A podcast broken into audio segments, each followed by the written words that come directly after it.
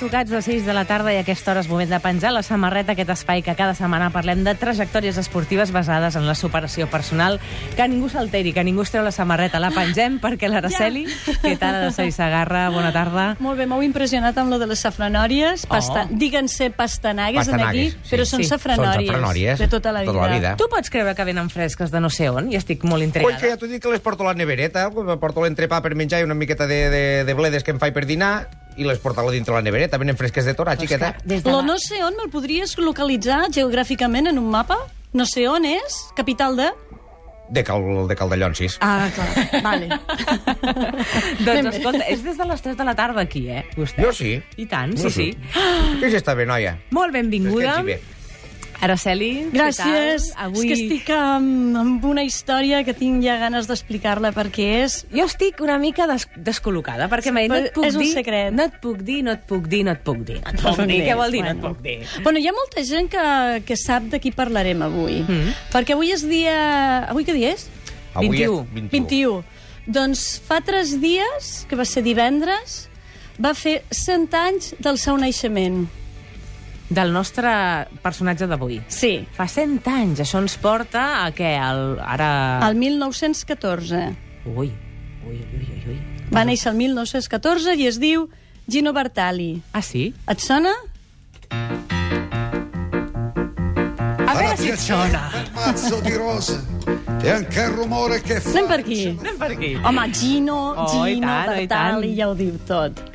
El Gino Bartali és un italià, com el seu propi cognom indica, que va néixer, doncs, a, ara feia gairebé 100 anys, i que provenia d'una família molt humil, d'un d'un poblet més poble que no pas ciutat, uh, de la, prop de la Florència italiana, sí, perquè era pagès, no? La, la, el, el, hi ha pobles que són més pobles de ciutat i hi ha pobles que són més pobles de poble. Què t'he de Correcte, dir jo a tu? correcte, sí, que no sí. sàpigues i que no faci falta que Res t'explico. objectat. Tota la veritat l'acaba de dir. Bueno, i el cas és que quan era petit va començar a treballar en un taller de bicicletes. Uh -huh. I li van començar a fer gràcia les bicicletes i al final va estalviar una mica de diners i se'n va poder comprar una. Fins al punt que amb 14 anys ja es ficava a perseguir una mica al darrere el seu jefe, que havia sigut doncs, un, corredor, un corredor, un ciclista, i coi, el jefe que li costava, que es de, el jefe es deia Casamonti, doncs li costava desempagar-se de, del seu ajudant, del seu treballador, tot i que només tenia 14 anys. Per tant, i era un nano que apuntava maneres en el món del ciclisme. Per tant, avui penjarem una mica un mallot, no? Avui Exacte. penjarem un mallot. Un mallot d'aquests Groc, apreta- com els nostres... Com els dius? Com els nostres... Les carxofes dels micròfons. Bati, què tal? És que ja està aquí el Bati. Hola, què tal, què I veig que tal? mira la carxofa, però no diu ni hola. mira, sí, estava Que miri la carxofa, la pastanaga, Parleu la de ciclistes. carxofa. Sí. De biciclistes. Que Avui parlem de biciclistes. biciclistes. De biciclistes i algo més. Ja.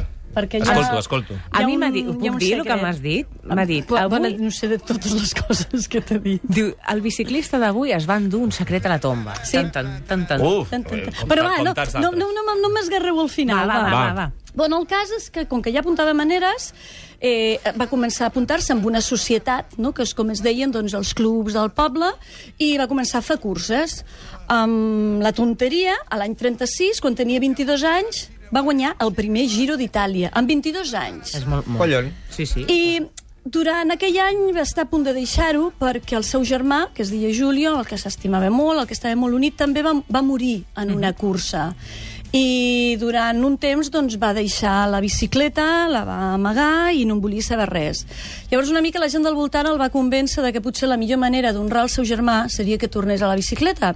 També s'ha de dir que el Gino era una persona, el dic Gino com si fos amic de tota la vida, però bueno, uh, era una persona molt creient. La religió, per amb ell, pues, era un motor, no? I una forma de, de motivar-se o de trobar-li sentit a la vida. El cas és que l'any següent, a l'any 37, amb 23 anys, doncs va guanyar el següent Giro d'Itàlia.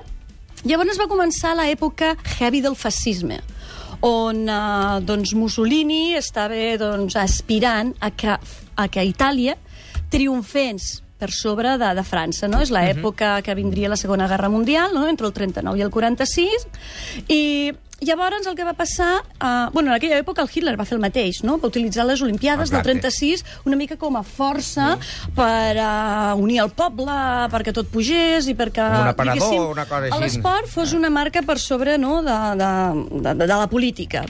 Bueno, el cas és que Mussolini va convèncer el Gino de que l'any següent no es presentés al Giro d'Itàlia i que es presentés al Tour de França. Oh. Collons, anals a guanyar a casa. I va acabar guanyant el Tour de França. Es va presentar i, pum, amb 24 anyets va guanyar el Tour de França. A partir de llavors, doncs, al Gino li van dir una mica el ciclista del fascisme o el ciclista del règim, quan no hi havia res més en contra i personalment mai se li va veure fer un, una fotografia, no hi ha cap imatge del Gino fent el, el, el Allò salutament, el salutament Braç alçat. Eh, bueno, també se li deien també d'altres formes, no li deien només així, també li deien el ciclista o l'home de ferro, perquè en aquella època doncs era el moment del ciclisme on les fotos només hi havia en blanc i negre, on eh, els ciclistes els veies que no tenien recolzament, on portaven les càmeres de, Sí. de la bicicleta creuades a Ni, l'esquena. ni canvi de marxes, portava. No hi havia canvis de marxa, era tot fixe, on les curses... Era, era el moment èpic i el moment més... Uh, més uh, historitzat, potser, no?, del ciclisme, on uh, les curses eren de 350 quilòmetres, on feien 120 quilòmetres amb carreteres que no estaven asfaltades, sinó que eren de terra. I amb la roda aquella tan fina... I amb aquestes... Bueno, eren unes, una mica més heavies, no, Més, en aquell moment. Ara són molt més finetes. Aquelles bicicletes que deurien pesar el que Clar. pesaven, eh? Ferro. Mm, ells mateixos es portaven a la beguda, no tenien sí, sí, avituallaments, no? Era I dir... això del canvi de marxes, crec que paraven, no, no hi havia el canvi de marxes automàtic, havien de parar i canviar-se ells mateixos el pla, El pla, total. sí, dius? sí, Heu vist Bueno, era, una època, era una època duríssima. Eh, però tot i així, per això li deien a la de ferro, perquè quan més dures eren les condicions, més fort era el Gino. Ja puc, quan més fred feia, quan més vent ventava, quan més plovia, eh, quan més calor feia, eh, ell se n'en sortia de tot això mm, inclús més motivat. I, i bueno, després de fer aquesta cursa, no?, d'haver guanyat el Tour i, i que li diguéssim d'aquesta forma, doncs eh, va venir el període en el que va estar doncs, més de 5 anys sense competir, que va ser doncs, això, no?, del 39 al 45, perquè va haver-hi doncs, la Segona Guerra Mundial. Llavors, bueno, quan es va acabar la guerra, el 46, eh, va tornar a la competició i va guanyar el seu tercer giro. Um, llavors, va haver aquest moment de postguerra, on de, tot era un moment de crisi, de dramatisme, de pobresa. Itàlia estava esfonsada una mica en la misèria. Llavors, al 48, resulta que el, que el Gino estava a, a França, sí. fent un tour, ja pel seu compte, diguéssim, amb el seu equip, i de cop i volta, en aquell moment, a Itàlia, un, un estudiant de, de dret li va pegar un tiro al que seria el líder polític del Partit Comunista. I això va crear una mena de separació i una crisi dintre del país d'Itàlia que estaven a punt de la guerra civil.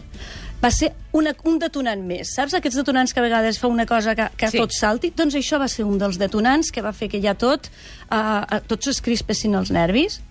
Llavors, el primer ministre italià va trucar per telèfon al Gino i li pregunta "Mm, necessito que em facis un favor.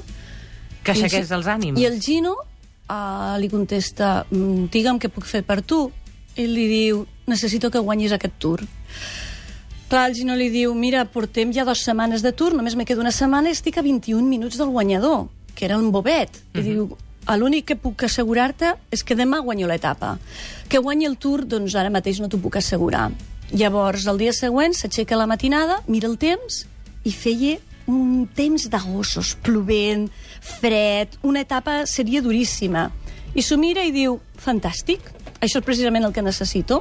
Temps es mira, advers. a temps advers. Es mira el seu oponent i li diu avui algú patirà. I el seu, Toma i el ja. seu oponent li diu doncs ja veurem qui serà. Aquell dia va ser una etapa, han fet tres ports, va ser una etapa duríssima de 274 quilòmetres, amb tres ports, 10 hores damunt de la bicicleta, va quedar guanyador, va quedar-se a un minut del Bobet, en aquella etapa, el Bobet va arribar destrossat i aquell any va guanyar el Tour.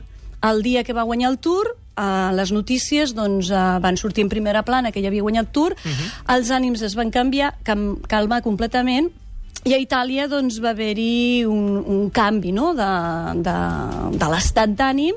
Després, el, el líder eh, italià comunista, que estava a punt de morir, doncs, també es va recuperar i totes les aigües van tornar a la calma, en gran part gràcies a que l'esport va fer aquesta, aquesta funció. Després el Gino va tornar, va continuar uh, fent uh, ciclisme, va tenir uns moments de competició amb un company seu, es va dedicar a, a, a fer de comentarista i a l'any amb 86 anys es va morir d'un atac de cor. Carai. I fins aquí sembla que és una història maca, que és una història d'algú que, Home, a mi que ha lluitat molt, molt. el trasbassament entre la política i el món de l'esport, que no és poc i que hi ha molta motivació. Però hi ha més? Però hi ha algo més. Ja m'estranyava a mi. Ja Alguna cosa es, m'estranyava va- es a van mi. portar I a la aquestes- tomba. Ah, va, sí, sí, sí. Tres anys després de que el Gino morís, eh, un jueu, de pares jueus, va trobar entre els papers del seu pare eh, un diari. I en aquest diari aquesta persona detallava tots els, eh, totes les, eh, les estratègies que havien seguit per un plan clandestí per a poder salvar a jueus de ser portats a camps d'extermini. Smile,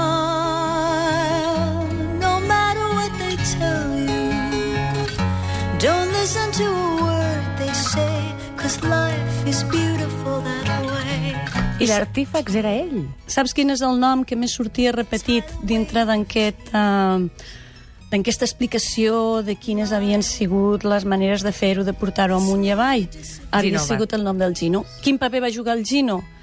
Doncs eh, això havia sigut una associació de persones laiques, jueus, cristians, que havien intentat eh, durant aquesta època del fascisme i durant justament els anys, eh, deixa'm recordar, des del el 43 i el 44, havien, durant aquesta època de dos anys, doncs s'havien unit per a imprimir en convents i en centres religiosos tots els papers, tots els salvoconductos, passaports, tot fals, per donar-los noves credencials amb aquests jueus.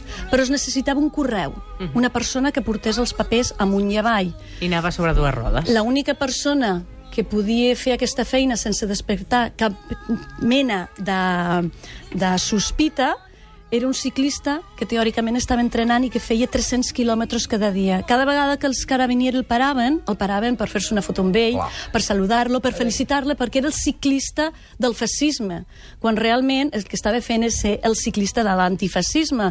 Duia amagats en el quadre de la bicicleta aquests papers i durant tot aquest temps ningú no en va saber res perquè ni li ho va explicar ni als seus pares, ni a la seva família, ni als seus amics. Ningú no ho sabia. Es va morir amb la seva intenció de que ningú sabés que va salvar la vida a més de 800 jueus. I, de fet, ell tenia una frase molt maca que deia que si li has de fer un favor amb un amic, quin sentit explicar-ho? Quin tipus de favor llavors li estàs fent? Llavors era una persona que no només era forta físicament, sinó que espiritualment doncs, eh, tenia una empenta brutal i ho va demostrar no només damunt de la bici, sinó, sinó a la vida. Ja pot tancar la boca, eh? S'ha I què quedat... collons el Gino Bartoli? Que li caurà l'escuradents, eh? No, no, és que Estem m'he quedat aquí... acollonit. la pastanaga, li la... la Sí. pastanaga. Ara me'n fotré una per berenar. Impressionant, eh? Avui t'ha sortit. Aquest és el secret que amagava el Gino. Impressionant, Araceli I d'això Sagarra. no n'han fet una pel·lícula, això li han de fotre una pel·lícula. És això, veritat. és veritat. De això és moment no n'hi ha cap, però segurament acabarà havent-hi com de tantes històries, sobretot els esportistes, no?, que acaben arrossegant, sobretot, l'emmirallament de persones en, en, en, en la seva actitud, no?, que, que jo crec que és el que eh, el profit que li podem acabar traient. Sí, sí, tant. Piti Ni tan alt ni tan difícil. Una frase que avui podríem posar Bueno, perfectament aquí, Ni eh? tan llarg, eh? Ni perquè tan llarg. 300 quilòmetres al dia Ni s'han de tenir vides. ganes. Gràcies, Araceli. Ens veiem la setmana que ve. Moltes gràcies. Penjant una nova samarreta. Una història...